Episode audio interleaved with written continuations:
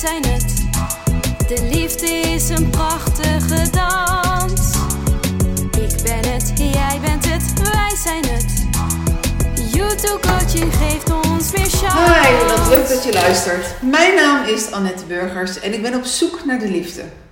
Vandaag zoom ik in op een zeer uitdagend aspect van de liefde. De scheiding. Met de vraag: Scheiden, wat nu? Serie 6. En vandaag praat ik met Marcia Pinedo. Marcia Pinedo is kindertherapeute, oprichter van de stichting Villa Pinedo en auteur samen met Petra Vollinga van het boek Aan alle gescheiden ouders. Leer kijken door de ogen van je kind. Marcia, van harte welkom hier in het mooie Amsterdam. Dankjewel. Op zoek naar de liefde heet deze podcast. Heb jij de liefde gevonden in je leven? Hmm, nou, sowieso een heerlijke titel, Op zoek naar de liefde. Ik ben al uh, 30 jaar met mijn uh, man, Guy. En uh, ja, ik heb, ik heb zeker de liefde gevonden. Hij, ik vind het altijd een hele uitdaging in een relatie ook. Dus daar komt ook ja, daar komt ook veel bij kijken. Maar uh, we zijn bij elkaar en ik hou nog heel veel van hem. Dus dat is heel, uh, heel fijn. Mm. Ja. Als je terugkijkt naar die 30 jaar, hè, ben je dan eigenlijk een soort van drie keer hertrouwd of twee keer hertrouwd? Of hoeveel fases zitten er in die 30 jaar bij jullie? Nou, heel veel. Ja, zeker. Ik bedoel, je pelt jezelf op een bepaalde manier toch ook steeds weer af.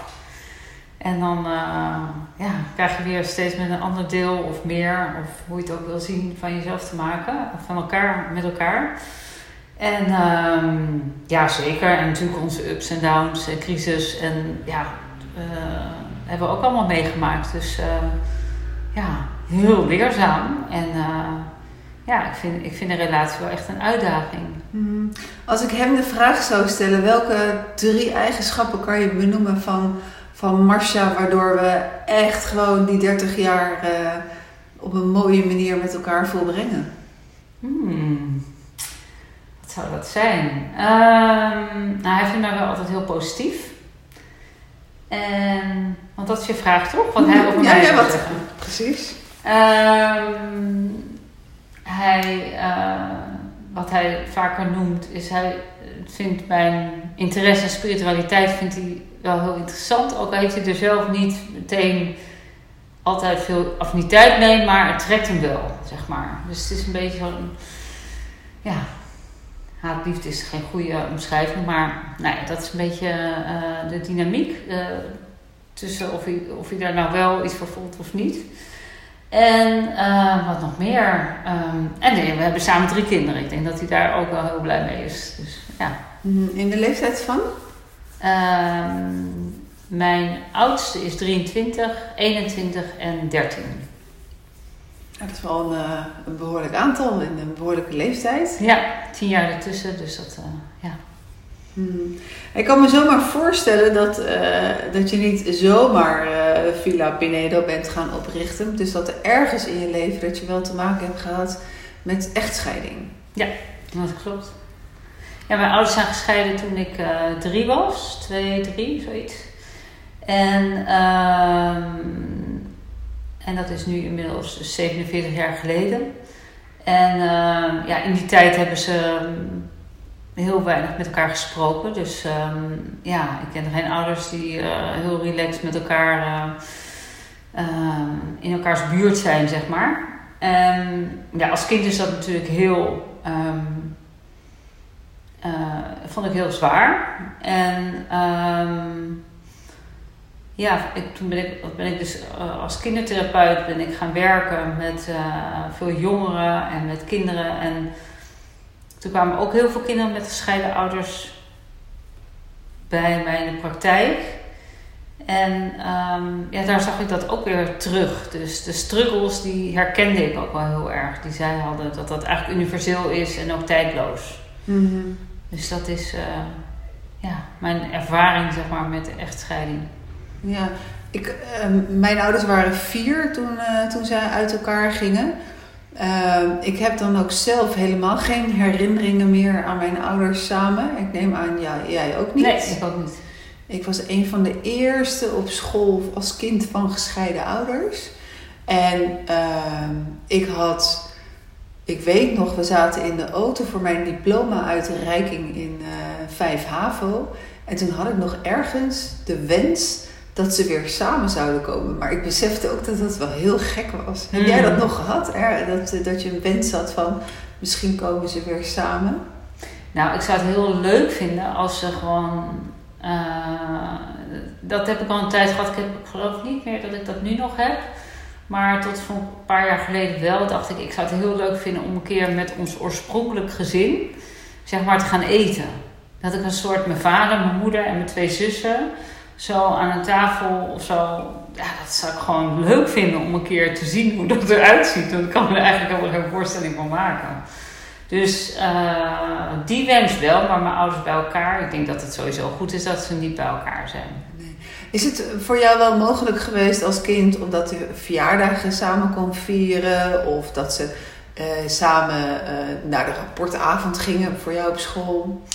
Nee, uh, nou, het is wel eens geprobeerd hoor. Mijn moeder is wel eens uitgenodigd in het begin. Of in het begin, ik weet niet precies wanneer. Toen mijn stiefmoeder ook kwam. Maar uh, nee, het is altijd heel erg gescheiden geweest. Het waren echt twee werelden. Uh, ik heb tot mijn achtste bij mijn moeder gewoond. En daarna ben ik bij mijn vader gaan wonen. En uh, dat was natuurlijk ook wel heel nieuw in die tijd. Hè. Scheiden was al nieuw. Hè. Mensen vroegen ook wel, oh, hoe is dat voor je dat je ouders gescheiden zijn? En ook dan uh, dat je dan bij je vader woont, is natuurlijk ook heel apart. En wat maakte dat je ging verhuizen op achtjarige leeftijd? Uh, nou, het, het ging niet zo goed thuis, zeg maar, met ons drieën. En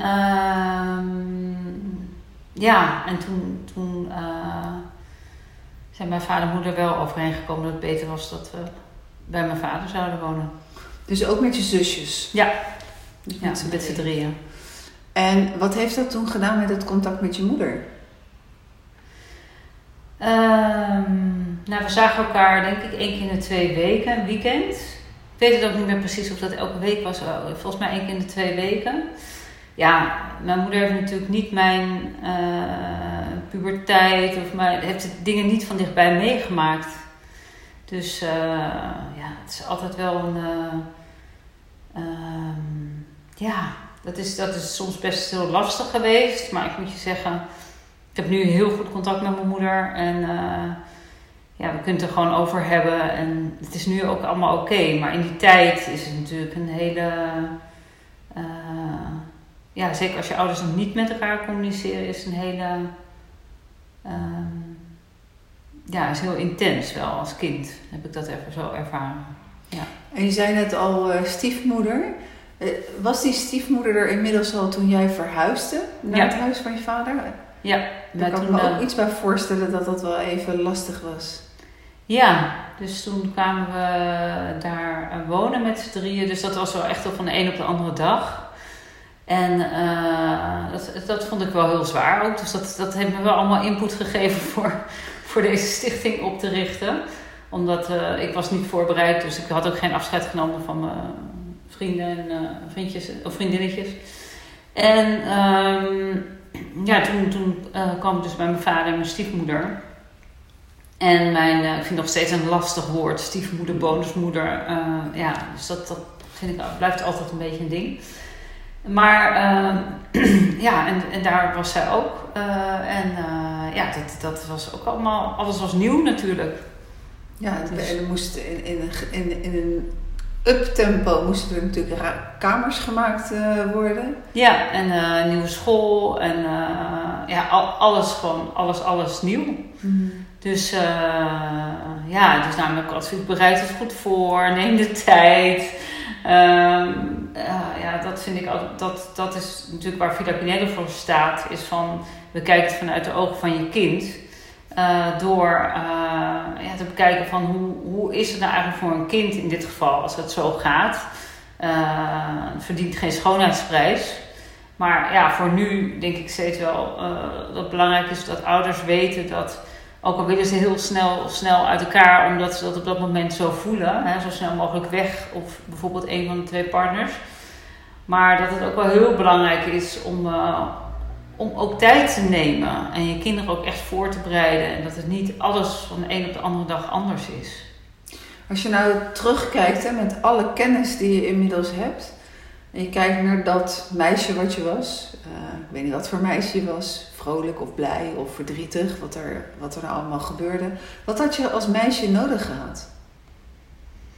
Nou, ik heb op mijn, uh, op mijn vijfde, denk ik, heb ik op een gegeven moment besloten van uh, ik ga het alleen doen. Dat was een besluit. Weet ik ook nog precies hoe ik zat en dan dacht ik, dit, ik ga het alleen doen. En dus dat, dat iemand anders er was en zei we doen dit samen en ik ben er voor je. En uh, dus de buddies, zoals die nu zijn georganiseerd bij, bij ons.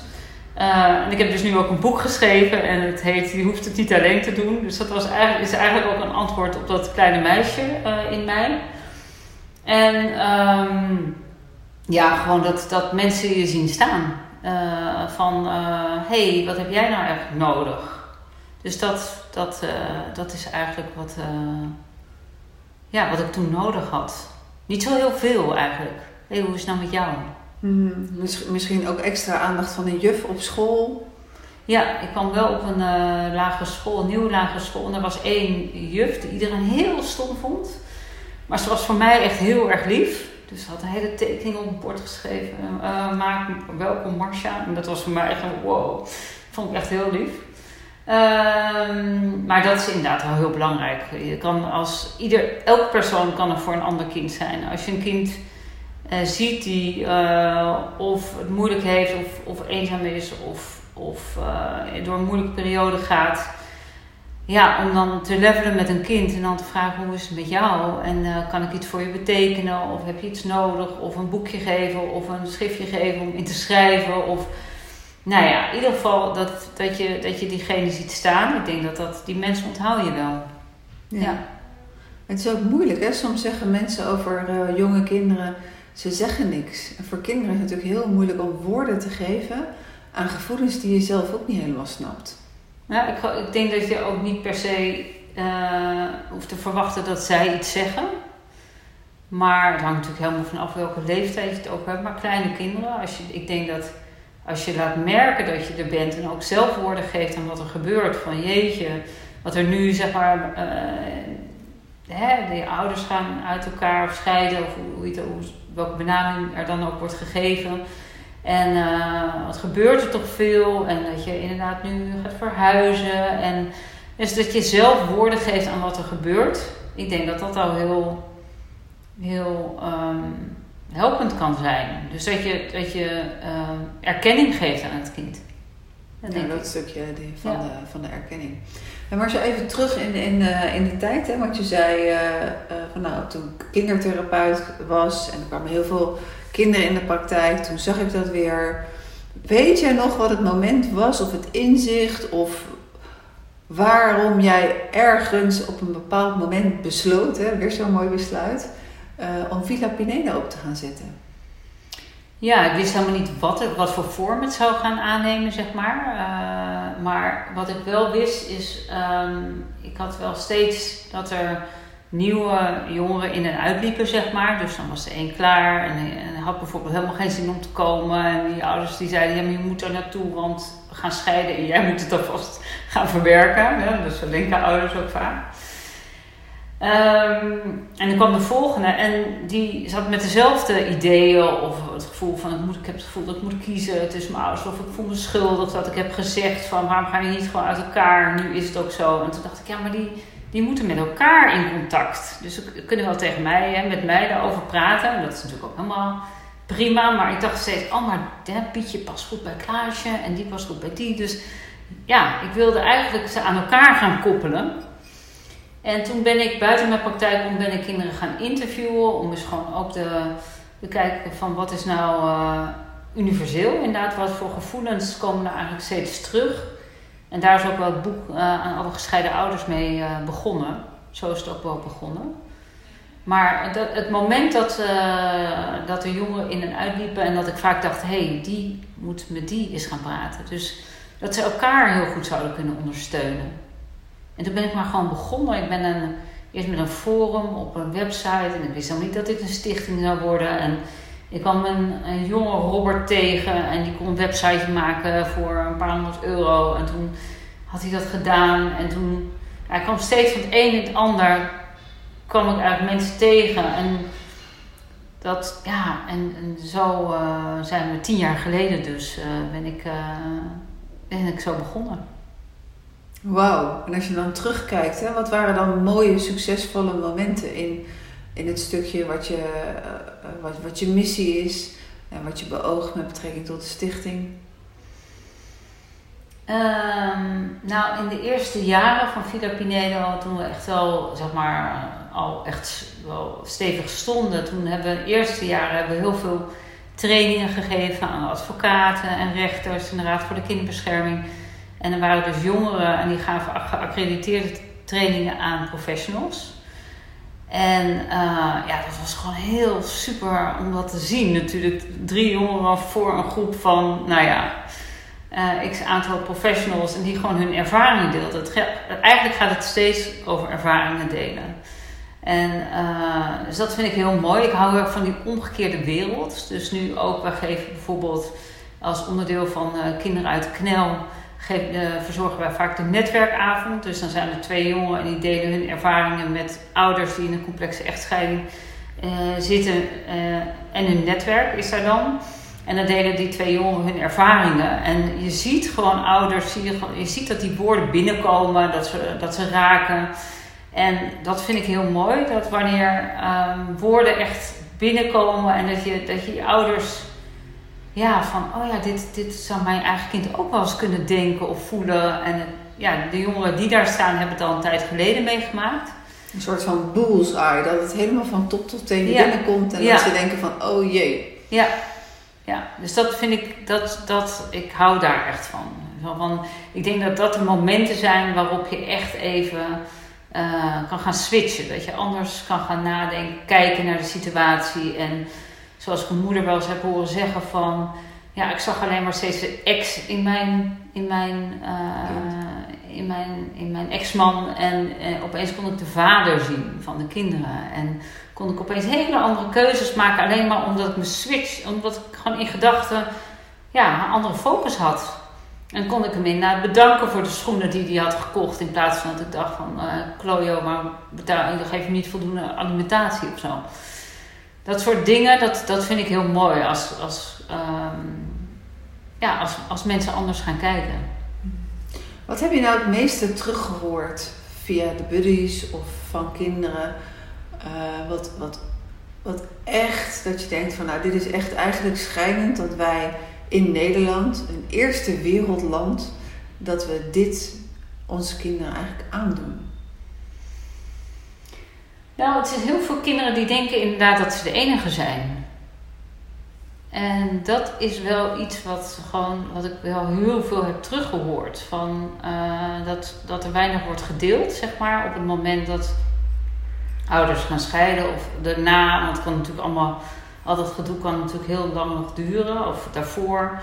Maar dat, dat kinderen daar niet over praten, dat ze echt het gevoel hebben, ik ben de enige. En dat is dan opeens, dat is echt heel mooi. Want even buiten coronatijd, als we hier een training geven op een zondag of een vrijdagochtend, dan komen er 20 of 25 nieuwe buddies. En vanuit het hele land, vanuit uh, Groningen tot Maastricht.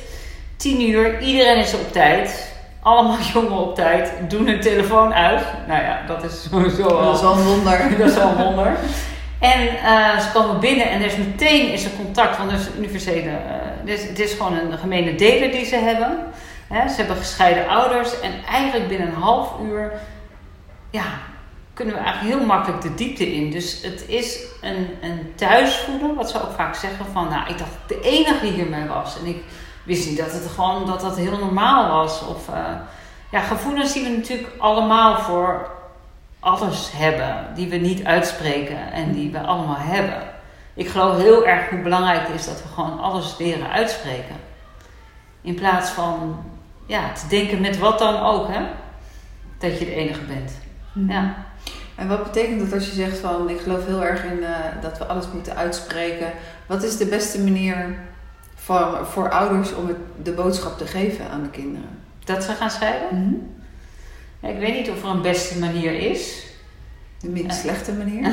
nou ja, uh, ja ik, uh, het is natuurlijk heel belangrijk om, om de tijd te nemen. Bijvoorbeeld wat ik ook heb geleerd van heel veel jongeren, hoe belangrijk het is dat als ze het gesprek aangaan, ouders met hun kinderen, dat, dat ze ook goed letten op hoe ze zitten. Want zoals bijvoorbeeld een van de jongeren zei, ja, ik zat dan naast mijn vader en ik had meteen het gevoel tegenover mijn moeder dat wij een frontje waren tegen mijn moeder. De moeder zat aan de overkant. De moeder zat aan de overkant. Nou, dat soort dingen, daar kom je natuurlijk helemaal niet op. Je gaat gewoon zitten en dan. Uh, maar dat soort kleine dingen over nadenken. En ik denk ook van tevoren samen over hebben wat is nou eigenlijk het verhaal wat we vertellen. Want dat is natuurlijk ook wat heel veel gebeurt. Is natuurlijk, iedereen heeft een andere beleving. En ik snap heel goed dat ieder eigenlijk zijn eigen verhaal wil vertellen.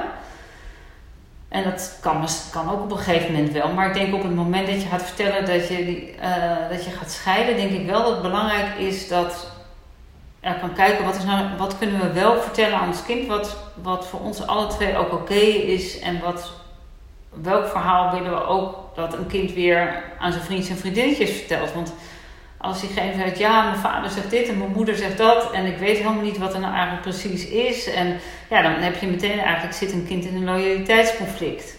Dus ik denk wel, het is ook lastig, want als de een heel graag wil scheiden en de ander wil helemaal niet scheiden en dat je dan één verhaal moet vertellen. Ja, maar je kan wel vertellen van, ja, papa die uh, wil bijvoorbeeld, uh, of wil, of papa die. Uh, um, ja, die wil, wil verder of die wil. Ik denk wel dat je, maar als je maar het, het, een soortzelfde zelfde verhaal vertelt, dat je niet naar elkaar gaat wijzen in zo'n gesprek. zonder een schuldige aan te wijzen. Ja, het is natuurlijk het is echt wel hoge wiskunde en dat snap ik ook. Want op het moment dat de ander totaal niet mee eens is en dat je ook nog een soort van je moet gaan gedragen tegenover je kind, terwijl je eigenlijk wil uitschreeuwen: hij is het geweest, of hij is vreemd gegaan, of zij is vreemd gegaan of wat dan ook. Maar ehm, ik merk ook wel dat dingen als vreemd gaan, dat kinderen daar vaak helemaal echt geen boodschap aan hebben. Van dat soort informatie. Ja, wat moet je dan ook mee als kind zijn? Ja, je kan er ook niet zo heel veel mee. Want dan, dan ja. Maar ik vind Behalve dat, dat je misschien boos wordt op, uh, op degene van de ouders die dat ja. Ja, maar nogmaals, het is echt wel een... Uh, ja, het is echt wel een hele grote uitdaging om je ego zo opzij te zetten dat je kan zeggen: Oké, ik ben heel erg boos, ik voel me teleurgesteld, ik voel me afgewezen, ik voel me wat dan ook. Maar dit is wat er gaat gebeuren, dit is de weg die we vooruit gaan. Dus ik moet dit aan mijn kinderen vertellen. Dit, dit is zoals het is. Wij gaan uit elkaar. En ik ben er heel verdrietig van. En ik, ik, ik ja, ik, ik had het graag anders gewild, maar dit is wat het is. En uh, ja, ik denk, ik denk dat dat wel. Uh, nou ja, zo goed mogelijk dan verteld kan worden. Ja. ja, ik zit tegelijk te denken van hoe heb ik het eigenlijk aan mijn kinderen verteld ooit? Dat weet ik niet meer. Ik weet alleen nog maar dat, dat uh, op een gegeven moment ik ze moest vertellen dat hun vader was overleden. Dat was het, de allerergste boodschap. Ja. Uh, en uh, uiteindelijk ben ik, dat, ben ik de chronologie gaan gebruiken van die dag. Mm -hmm. en heb ik ook later bedacht van ja, wat er ook gebeurt in mijn leven of welk moeilijk gesprek ik ook moet er kan geen moeilijker gesprek zijn dan dat gesprek. En als ik niet meer weet hoe het moet, dan gebruik ik maar gewoon de chronologie. Ja. Want dat heeft me er toen, uh, toen uitgeholpen. En dat kan in feite in, uh, in zo'n gesprek uh, bij de scheiding kan dat ook helpen. Ja, en als ze oud genoeg zijn, weten kinderen het zelf, herinnert bijna allemaal nog. Ja. Dus ik heb toen ook kinderen allemaal gevraagd van wat was het moment waarop je ouders vertelden dat ze gingen scheiden. Nou, dat was zo, er stond een uh, dolfijnenprogramma op. En toen kwam moeder naast me op de bank zitten. Of ja, de zon scheen heel erg. Het is echt zo'n life-changing moment. Waar even, ik zeg altijd maar een soort tita naar zo alles staat stil. En ja, zo'n moment waarop je, uh, waarop heel veel, dat je weet heel veel gaat er nu veranderen. Ja, en dat maakt het ook zo belangrijk. Hè? Want je zet daarmee, zet je wel een toon voor je kinderen neer. Ja, ja want sommige ouders vertellen terloops of lichten hun kind aan, uh, lichten hun kind in van ja, mama is verliefd op iemand anders. Of veel kinderen worden er ook bij betrokken bij. Of kinderen uh, vinden in de telefoon van hun ouders hele Uh, of seksueel getinte of liefdes. Uh, nou, van alles in de telefoon van hun ouders. Dus dat krijgen we ook wel vaak op de site te horen. Van nou, dat heb ik gelezen en wat moet ik daar dan mee? Dan zou ik sowieso zeggen tegen ouders van ja, vind een manier, een andere manier dan op je, door, ja, op je telefoon. Want dit, dat is echt heel vaak weten kinderen het eerder dan dat de partner het weet of zo. Dat is echt allemaal heel zuur. Mhm. Heb je nog meer van dat soort tips voor ouders, naar aanleiding van wat kinderen teruggeven? Je bedoelt over het gesprek uh, zelf? Of? Ja, over het gesprek of wat je zegt. Hè, dat stukje van wat ze teruggeven van informatie die uh, rondslingert op een mobiel. Kinderen zijn tegenwoordig natuurlijk ook ja, zo handig dat ze, dat, dat ze alles zien op, uh, op een mobiel. Ja, ja. Nou ja, um, in de loop van de tijd. Uh, um, ja, nou, ik heb vooral betrek je kinderen bij bijvoorbeeld de veranderingen die gaan komen. Uh, hele simpele dingen van inderdaad de kamer verven en welke kleur wil je eigenlijk. Dat soort hele kleine dingen kunnen al, ja, zijn natuurlijk open deuren, maar niet voor iedereen. En um, ja, over het heen en weer gaan. Het is natuurlijk heel erg belangrijk dat ouders elkaar ja, begroeten en hallo zeggen. Want dat is ook wat we hier vaak horen. Van als ze alleen maar over elkaar aankijken en zeggen... Hey, of of, en dat negeren dat dat zo'n pijn doet. Ja. We hebben ook ondanks een vierjarig uh, onderzoek van de Universiteit van Utrecht afgerond. En daar bleek ook uit dat heel veel kinderen ja, gewoon niet uitspreken waar ze mee zitten. En ook heel veel kinderen zich echt schuldig voelen over de scheiding van hun ouders. Of echt het gevoel hebben dat ze moeten kiezen. En um, ja, dat zijn, wel, uh, dat zijn wel belangrijke onderwerpen waar je over na kan denken als je aan het scheiden bent. Ja. misschien zelfs wel daarvoor, hè? Ook daarvoor, uh, ja. Zeker. Uh, ja, ik heb zelf altijd het idee van, nou, als je verliefd bent, dan... dan heb je een soort van uh, status van verstandsverbijstering. Maar sommige mensen hebben daar nog erger last van als ze uit elkaar gaan.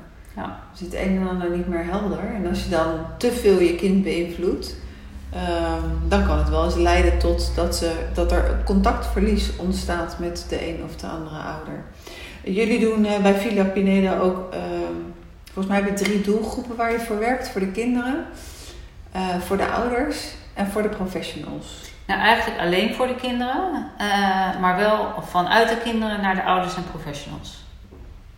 Dus ik zie het eigenlijk wel, ja, het klinkt een beetje gek, maar uh, ja, wat dat betreft, de kinderen zijn onze doelgroep, maar we willen de, zeg maar wat kinderen denken, voelen, willen we wel laten overbrengen, in ieder geval aan professionals en ouders. Mm. En, en wat doe je dan exact voor de ouders? Nou, we hebben bijvoorbeeld een online training voor ouders. Ehm, waar ook mijn boek in verwerkt is, maar ook filmpjes. Ook van mij, maar ook van, um, ook van uh, eh, 14 kinderen die vertellen over de scheiding van hun ouders. Van hoe, ja, vertellen over hoe het hun verteld is dat ouders gingen scheiden. Of wat er allemaal veranderde. Of hoe het in rechtszaken ging. Of nou ja, eigenlijk allerlei soorten onderwerpen. En uh, zo'n één module is dan gratis op de site te bekijken. Dus kan je kijken of het je aanspreekt.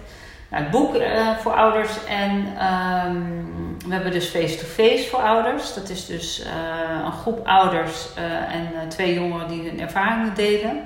Live. En soms ook in een webinar doen we dat. Dus dat is vanuit de gemeente dan georganiseerd. En voor professionals um, ja, geven we ook voorlichting, ook webinars. En ja, veel gemeenten kopen onze um, online training en ons buddy-programma in. Dus ja, zo is het een beetje georganiseerd. En heb je genoeg buddies of kunnen er nog aanmeldingen plaatsvinden? Nou, we hebben 450 buddies, 450 vrijwilligers, allemaal in de leeftijd, leeftijd tussen 18 en 26. En um, uh, elke maand vindt er een nieuwe training plaats. Dus elke maand komen er uh, eh, 20 bij. En er vallen ook natuurlijk altijd wat af.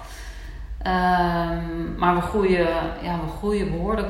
Vier jaar geleden waren we met 25 vrijwilligers en nu met 450. Wow. Dus ehm, ja, en het is gewoon een hele mooie club mensen. Er zijn allemaal mensen die zeggen: ik wil iets positiefs doen met mijn ervaringen, of iets positiefs doen met mijn negatieve ervaringen. En ja, het zijn. ehm, ja, ik vind het, het trekt het, dit, dit, eh, ja, deze stichting trekt wel echt hele leuke mensen aan. We werken eigenlijk ook hier intern. Er zijn gewoon mijn collega's, iedereen, is intrinsiek gemotiveerd. Iedereen heeft gescheiden ouders, behalve eh, Elise. En Elise doet de financiën en de fondsaanvragen. En, maar verder iedereen eh, is ervaringsdeskundig. En dat maakt dat, ja, dat we heel... Ja, het is gewoon een hele gedreven mooie groep. Allemaal jonge mensen, dus van gemiddeld ehm 23 denk ik. Mijn Mhm. collega's heeft mij niet meegerekend.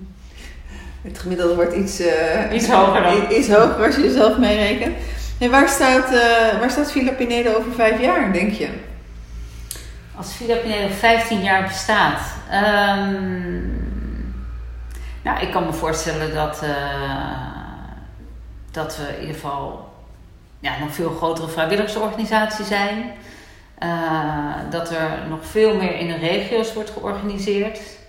Ehm, want ja, we hebben ons hele, het hele land verdeeld onder regio's, maar eh, dat is ook best wel in de coronatijd ontstaan. Maar ik kan me voorstellen dat als we daar even helemaal voorbij zijn, dat, eh, ja, dat, dat er gewoon veel meer in de regio is voor de vrijwilligers, maar dus ook voor de kinderen die steun nodig hebben. En ehm, ja, wat ik hoop en wat ik zelf echt gewoon heel gaaf vind, is de, dus die face-to-face workshops voor ouders. Ik zou het gewoon fantastisch vinden als mensen besluiten om te gaan scheiden, dat ze eerst langs een avond gaan met twee jongeren die vertellen over de scheiding van hun ouders. Ik denk dat dat gewoon echt heel veel kan voorkomen. Ik denk dat het heel preventief is. En ehm, ja, dat het gewoon eigenlijk, het is goedkoop. Het, is niet, en de jongeren vinden het fijn om hun ervaring te delen. Het is alleen maar winsituaties.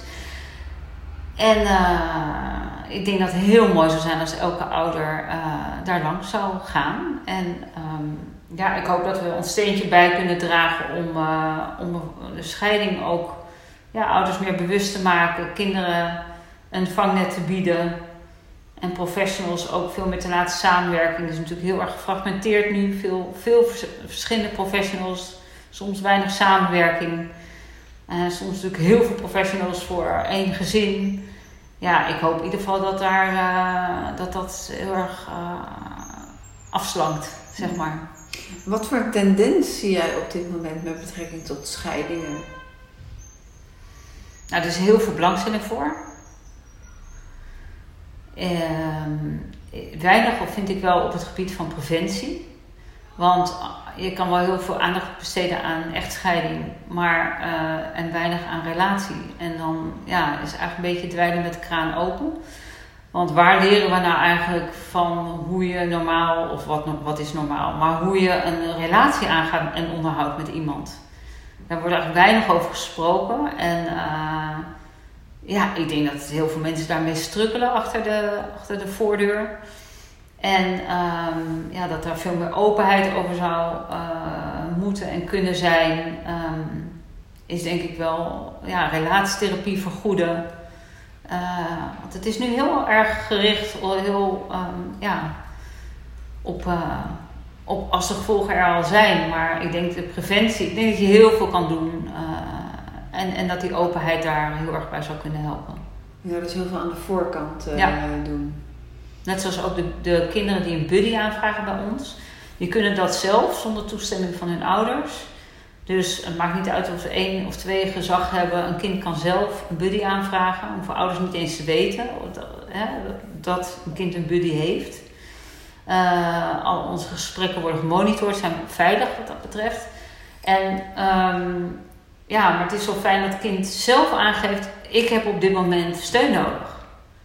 En dat eh, gebeurt elke week. Eh, Er zijn er wel 25, 30 kinderen die zichzelf aanmelden. Ehm, ja, dus dat, dat is wel heel fijn dat ze ons weten te vinden. Ja, en hoe, hoe vinden ze het dan eigenlijk? Ik bedoel, welke, via welke wegen? Want je denkt, ik denk dan ineens van, oké, stel een kind op de basisschool. Hoe weet je dan dat er Villa Pinedo bestaat? Dat je er zelf op 8, 9 jaar, 10, 11, 12 jaar leeftijd dat je zelf die stappen kan ondernemen?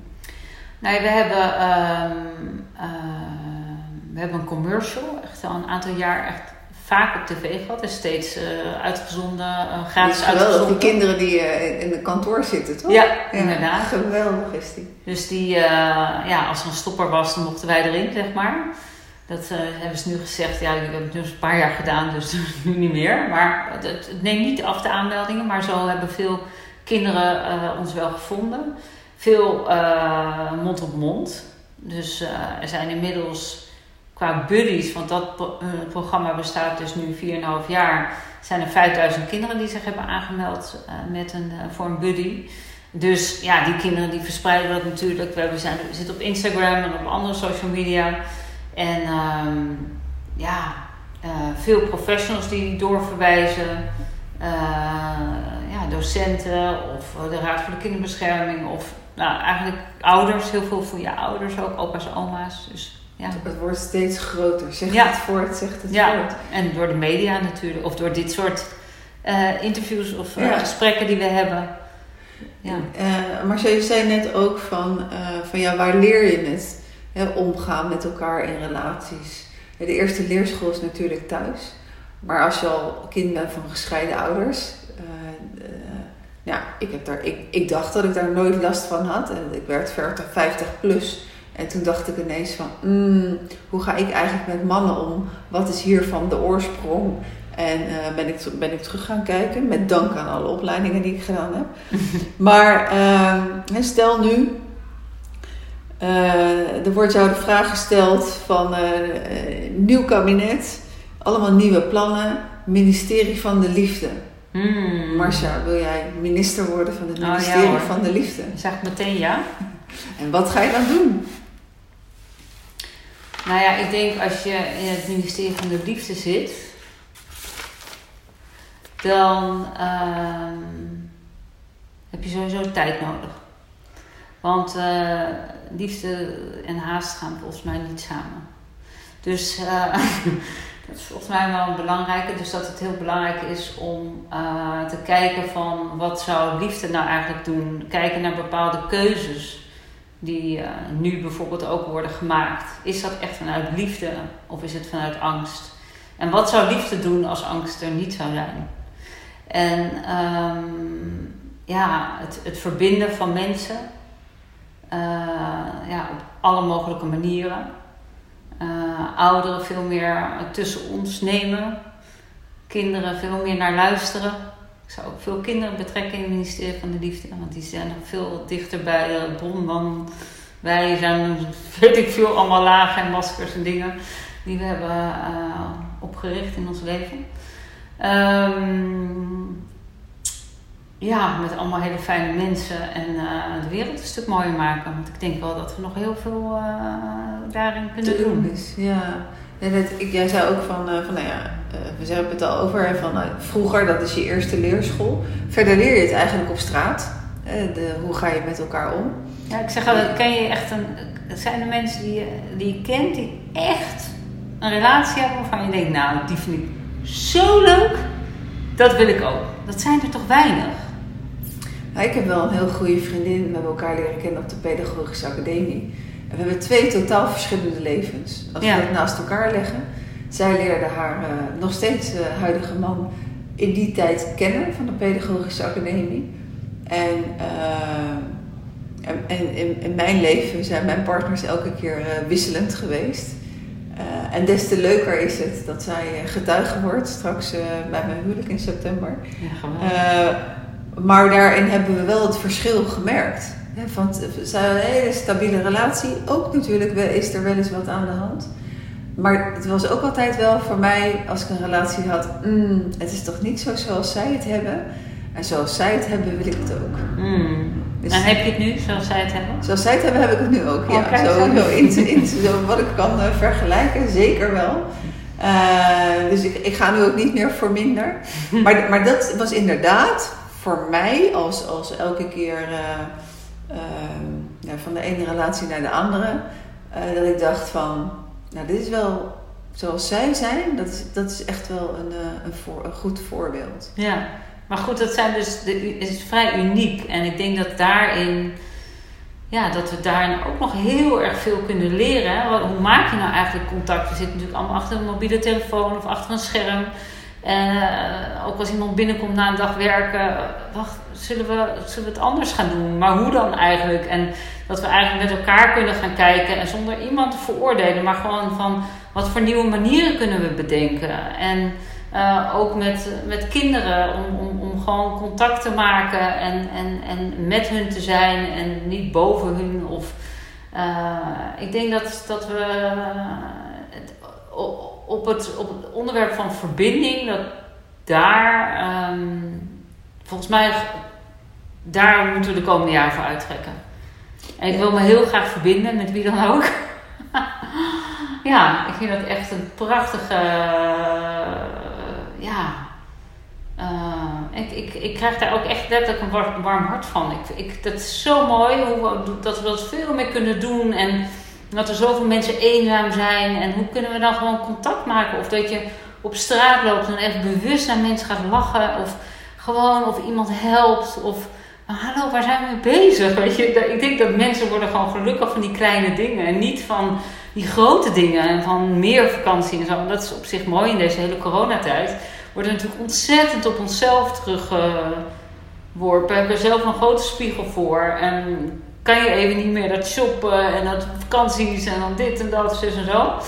Maar uh, is het even gewoon heel puur. Uh, ja, me, myself en I. En natuurlijk mijn gezin en, en wie dan ook. Ja. ja. ja. in een van mijn eerste podcasts was ik ook hier in Amsterdam. En toen interviewde ik iemand. En dat ging over daygamen. Uh, juist dat stukje van uh, het leven met een, met een mobiel in je hand en geen contact meer hebben. Dus hij vertelt ook in dat verhaal dat hij. daygamen is, is dus in feite op straat mensen aanspreken om die verbinding weer aan te gaan. Ja. dus zijn eerste keer ging hij naar Utrecht Centraal. En liep drie keer een rondje met de vraag wie ga ik nu aanspreken. Uh, en er zijn filmpjes over van uh, hoe maak je weer contact ja. met mensen. Ja. ja omdat uh, een, een, hele generatie is in feite opgegroeid nu met een mobiel in de hand. En achter een laptop. En in plaats van met elkaar thuis afspreken. Of maar uiteindelijk wil iedereen die verbinding. Hè? Je, hebt, je hebt een hele mooie organisatie, het Complimentenmeisjes. En die die, dat doen ze ook op feesten, maar je kan het ook op straat doen. Ook door gewoon, ik zeg altijd, mijn regel is voor mezelf, als ik een compliment in mijn hoofd opkomt, spreek ik hem uit. Dus als je op straat gewoon iets ziet en je iets positiefs, spreek het uit. Vertel het aan mensen. Laten gewoon, ik denk dat wij allemaal gewoon samen de wereld zoveel leuker kunnen maken. Ik denk dat we echt net begonnen zijn. Dus daar heb ik, nou, het ministerie van Liefde, kom maar op. ja, nee, ik, uh, ik daar. Uh, ja. ja, Mark Rutte, we hebben een kandidaat gevonden. Dus uh, inderdaad, je weet waar je hem kan vinden. Uh, wat, je, hebt al gezegd van nou, over vijf jaar met Villa Pinedo, um, waar je ongeveer uh, naar, naar, naartoe wil. Je hebt net een nieuw boek weggebracht. Ja, in mei komt ons nieuwe boek uit. Die heb ik samen met Demi en Sophie, mijn twee collega's, geschreven. En Marieke de Goeie heeft illustraties gemaakt. Het wordt echt een heel leuk boek. Met, met, ja, voor kinderen vanaf 9 jaar. Dus waarvan de ouders gaan scheiden of al langer gescheiden zijn. Dus het heet, je hoeft het niet alleen te doen. En het is um, allemaal kinderen die gewoon vertellen hoe het bij hun was. Dus, uh, en hoe zij ermee om zijn gegaan. En tips en oefeningen. En het, het, boek begint bijvoorbeeld met: het boek is van mij en mijn adressen zijn. Dus twee adressen meteen, dat je die kan opschrijven. Uh, en voor sommigen één, maar gewoon helemaal voor en door kinderen met gescheiden ouders. Mm. Dus, uh, ja. op je website stond ook iets van, van wat je net al zei, hè, van de Universiteit Utrecht, van dat onderzoek. Dat er onderzoek gedaan was naar de afstand van de huizen en het gevolg daarvan voor kinderen. Kan je daar iets over vertellen? Um, ik weet niet, dat stond niet in ons onderzoek. Oh, dan, dan heb ik dat ergens via via dat ik daar uiteindelijk op uitkwam. Maar uh, het was dat, dat, dat er vaak, hè, dat ouders vaak meer dan 10 kilometer bij elkaar vandaan wonen. Uh, en dat dat voor kinderen dan toch wel lastig is. Um, en dat de afstand ook maakt. Ja, dat in eerste instantie, ze hebben een school waar ze zitten. Uh, vaak is het zo dat moeder daar wel blijft. Uh, in, in het huis vlak bij de school. Dus dat, dat herken ik ook van vroeger van mijn kinderen. Dat loopt wel door. Een vader gaat in principe iets verder weg wonen. En dat maakt ook al een stukje afstand. Ja, nee, veel uh, kinderen, met name als ze ook in de puberteit komen en naar de middelbare school gaan, heel veel klagen over spullen. Spullen is echt een, een big issue. Want dan ligt weer aardeskunde bij vader en uh, dan heb je dit weer vergeten bij je moeder en, enzovoort. Dus hoe, hoe gaan de spullen eigenlijk heen en weer? Uh, heel veel uh, kinderen zeggen, ja, het is al heel fijn als alles in een krat gaat en dat, dat, dat mijn ouders dat krat heen en weer brengen. En sommige kinderen, zeker waarvan ouders niet met elkaar communiceren, die gaan op hun fiets zo met allerlei tassen en dingen. Uh, of, of dat de spullen op de lagere school meegaan naar school op de wisseldag. En dan ja, is een kind met allerlei spullen op school, die dus weer naar de volgende ouder gaan, omdat die ouders niet, niet natuurlijk altijd omdat, maar gebeurt vaker bij kinderen uh, waarvan de ouders niet met elkaar communiceren. Dat dus, dat dus het kind letterlijk met die shit aan het zeulen is. Um, dus ik denk dat ouders zich daar ook wel veel bewuster van kunnen zijn. Dat zeker ook als je ver van elkaar afwoont, denk even mee uh, vanuit je kind van hoe is dat om de hele tijd heen en weer te gaan. Ik heb uh, een collega die ging om de twee dagen heen en weer. Dus die was steeds, ja, die zei nou ik, ik laat mijn tas wel gewoon, ik laat alles in mijn tas, want ik moet straks toch wel weer heen en weer. Dus uh, ja, om ook te overleggen van wat past bij dit kind qua, qua omgangsregeling. Want je kan wel zeggen, ik wil 50-50 en maar als een kind steeds heel veel moeite heeft om weer te acclimatiseren bij de andere ouders, zoals veel kinderen ook zeggen van, ja, dan, dan heb ik een sleutel in mijn hand en dan, oh nee, ze van het verkeerde huis. Uh, of, of ik word wakker s'nachts en weet ik even niet meer waar ik ben. En, en andere kinderen hebben er helemaal geen moeite mee. Die kunnen, daar zijn daar veel flexibeler in. Maar uh, ik denk wel dat het echt belangrijk is dat ouders goed naar het kind kijken met ook wat voor omgangsregelingen ze afspreken. En niet dat het altijd gaat vanuit henzelf van ik wil dit of... Uh, ja, die, die, wisselmomenten schijnen ook gewoon wel lastige momenten te zijn. Hè? Als je, ook daarin, als je ouders gewoon goed met elkaar zijn en de ander komt binnen of kan een kop koffie drinken. En ik denk dat dat, uh, ik ken ook hele positieve verhalen. En een, uh, een uh, van de jongeren, Hugh, die is echt, die zegt, nou, mijn ouders zijn gewoon dikke vrienden. En uh, ik, ik vind helemaal, ik heb helemaal geen moeite met de scheiding van mijn ouders. Ik vind dat ze zijn veel beter af zonder elkaar. En ze kunnen ook nog prima met elkaar zo omgaan. En dan komen ze binnen en dan hebben ze het gewoon met elkaar over van alles. En dan is het goed. Dus dan is het voor haar ook helemaal geen issue. Maar als het tussen die ouders nog echt een heel gedoe is alles wat je zelf niet draagt, denk ik als ouders, dat geef je gewoon door aan je kind. En um, ja, dat is. Uh, ik denk dat het. Nou, ik zou daardoor als ouder wel extra gemotiveerd zijn om met het eigen gedoe aan de slag te gaan. Om, uh, om je kind daar niet mee uh, te belasten. Ja, we gaan nog even terug. Hè. Stel dat je de, de macht hebt van de minister van het ministerie van de Liefde. En, Zou het ook geen macht heten dan?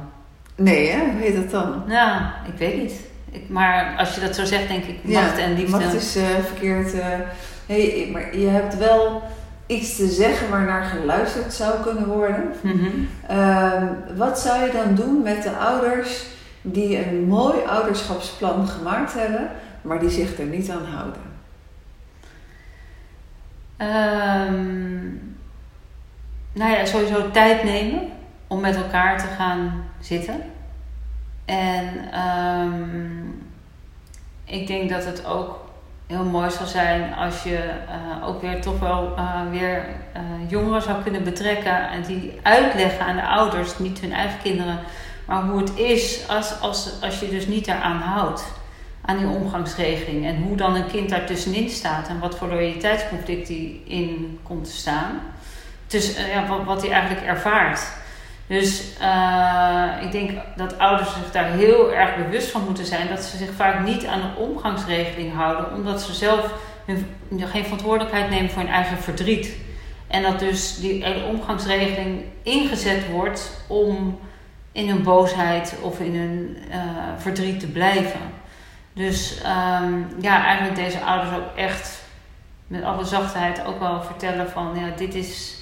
Er zit bij jou eigenlijk nog heel veel pijn. En dat jij de vader van je kinderen niet wil zien. Dat betekent niet dat zij hun vader niet willen zien. Zij bestaan op DNA-niveau uit 50, voor 50% uit hun papa. En op het moment dat jij hen dat ontzegt, ontzeg je ergens ook dat zij zichzelf kunnen zijn. Dus um, ja, vanuit zachtheid zou ik ze benaderen. Mm Helder, helder. We gaan uh, zo langzamerhand naar het einde toe van, uh, van dit uh, gesprek, van deze podcast. welke vraag heb ik je nog niet gesteld, Marcia? En zou je toch nog wel heel erg graag een antwoord op willen geven? Nou, het is niet zozeer een vraag, maar wat ik nog wel zou willen zeggen is. Um, nou, we zijn dus een jonge vrijwilligersorganisatie. Hoeveel mooiste er in jonge mensen zit. Het is echt dat deze mensen zich dagelijks inzetten zonder betaald te worden, gewoon om anderen te ondersteunen. Dat zij echt een buddy zijn, dat zij trainingen volgen in hun vrije tijd, dat ze uh, bereikbaar zijn. Dat de toewijding van jongeren, um, ja, ik vind, ik vind, ik, ik, ik, hou gewoon van ze. Ze zijn echt gewoon, zijn zulke mooie mensen en ik denk dat, dat we nog veel meer met ervaringsdeskundigheid zouden kunnen doen. Kijk, wat, wat, wat, wat ik nu zeg maar heb, opgezet, dat zou je voor elk onderwerp kunnen doen. Ik denk dat voor elk, ik raad ook iedereen aan die, die die energie heeft en die uh, een bepaald onderwerp heeft. Um, ja, betrek ervaringsdeskundigen. Uh, uh, zet dat in weer, dat zij een ervaringsdeskundigheid kunnen inzetten om weer anderen te ondersteunen. En zo maak je heel snel verbinding en verspreidt zich ook heel snel. Uh, ja, dat, dat breidt dan ook heel snel uit. Dus uh, ik geloof heel erg in ervaringsdeskundigheid en, uh, ja, en in, in jonge mensen. Gewoon in, ik, dat jonge mensen lui zijn en al die dingen, dat, dat deed ik helemaal niet. Nee, echt niet. Wat ik merk op de school waar ik werk, hè, dat is een school met meer dan 60 nationaliteiten dan verwonder ik me er altijd over. Ik ben altijd uh, geïnteresseerd in hoeveel kinderen hebben er gescheiden ouders. Uh, dat ligt bij mij op school een stuk lager dan uh, op witte scholen. Ehm, heb jij ook kinderen van andere culturen binnen de buddies? Ja, te weinig vind ik. Ehm, het is ja, wel zo. We hebben wel een aantal ehm, kinderen met Turkse ouders en maar wat, wat ook daar wordt gezegd is van dat vaak is het niet echt officieel een scheiding. Hè? Dan gaat vader bijvoorbeeld in Turkije wonen en dan is niet, eh, ja, de kinderen herkennen zich ook niet per se in kinderen met gescheiden ouders. Maar als je het over gaat hebben, dan voelen ze het wel hetzelfde. Dus dat is wel echt een. Uh, uh, ja, het, het, het, vraagt wel steeds om een hele andere aanpak. Ook natuurlijk in Surinaamse gezinnen, waar veel meer een eenoudercultuur is die, die voelen zich ook niet aangesproken als kinderen met gescheiden ouders. Dus het, het vraagt echt een hele uh, ander soort dynamiek. En uh, uh, ja, ik zou me daar eigenlijk wel eh, echt wel meer breder willen maken. Alleen is het zo dat we al zoveel aanmeldingen krijgen, zeg maar, zonder dat we actief naar op zoek gaan. Dat, het zou, moet een aandachtspunt zijn. Nee, ik, ik merk bijvoorbeeld, ik heb twee stagiaires. één op de dinsdag en de ander op de woensdag. En die zijn van islamitische komaf. En ik zie wat er gebeurt als, als zij de les overnemen. Ja. Ik heb als, als Nederlandse blanke vrouw heb ik veel meer te doen om respect te verdienen van de leerlingen ja. dan, uh, dan deze twee stagiaires. Ik ben er wel jaloers op. En ik denk van, oh, wat gebeurt hier? Ja. dat gaat vanzelfsprekend. En dat, dat is gewoon heel mooi om te zien. Ja. Uh, dankjewel Marcia. Ja, jij bedankt. Voor dit uh, openhartige gesprek. Dankjewel voor je tijd en voor het komen. En dankjewel. Voor mooie gesprekken. Nou, dankjewel jij ook luisteraar. Over twee weken is de volgende aflevering in deze serie van Op zoek naar de liefde. Scheiden wat nu. Trouwens, Marcia nog even. Scheiden wat nu. Wat, wat is je eerste... Wat komt het eerst bij je op als iemand denkt van scheiden, wat nu? Oeh, eh, scheiden, wat nu? Nou, misschien. eh, Kijk en vanuit nu? de- En nu? en, en nu, kijk vanuit de ogen Ja, kijk in ieder geval eh, eh, leer ook kijken door de ogen van je kind en ga met je eigen, eigen boosheid, verdriet en alles ook aan de slag. Ja, zorg dat het geen dubbele agenda wordt die je afrekent via je kind of je, of Precies, je ex. precies. Ik hoop in ieder geval dat je over twee weken weer luistert naar de volgende Op zoek naar de liefde. Heb je vragen of wil je iets laten weten naar aanleiding van deze podcast? In ieder geval is daar www.villapinedo.nl Ja. En eh, als je mij wil spreken, kan dat via info.youtubecoaching.nl Dank voor het luisteren en tot over twee weken.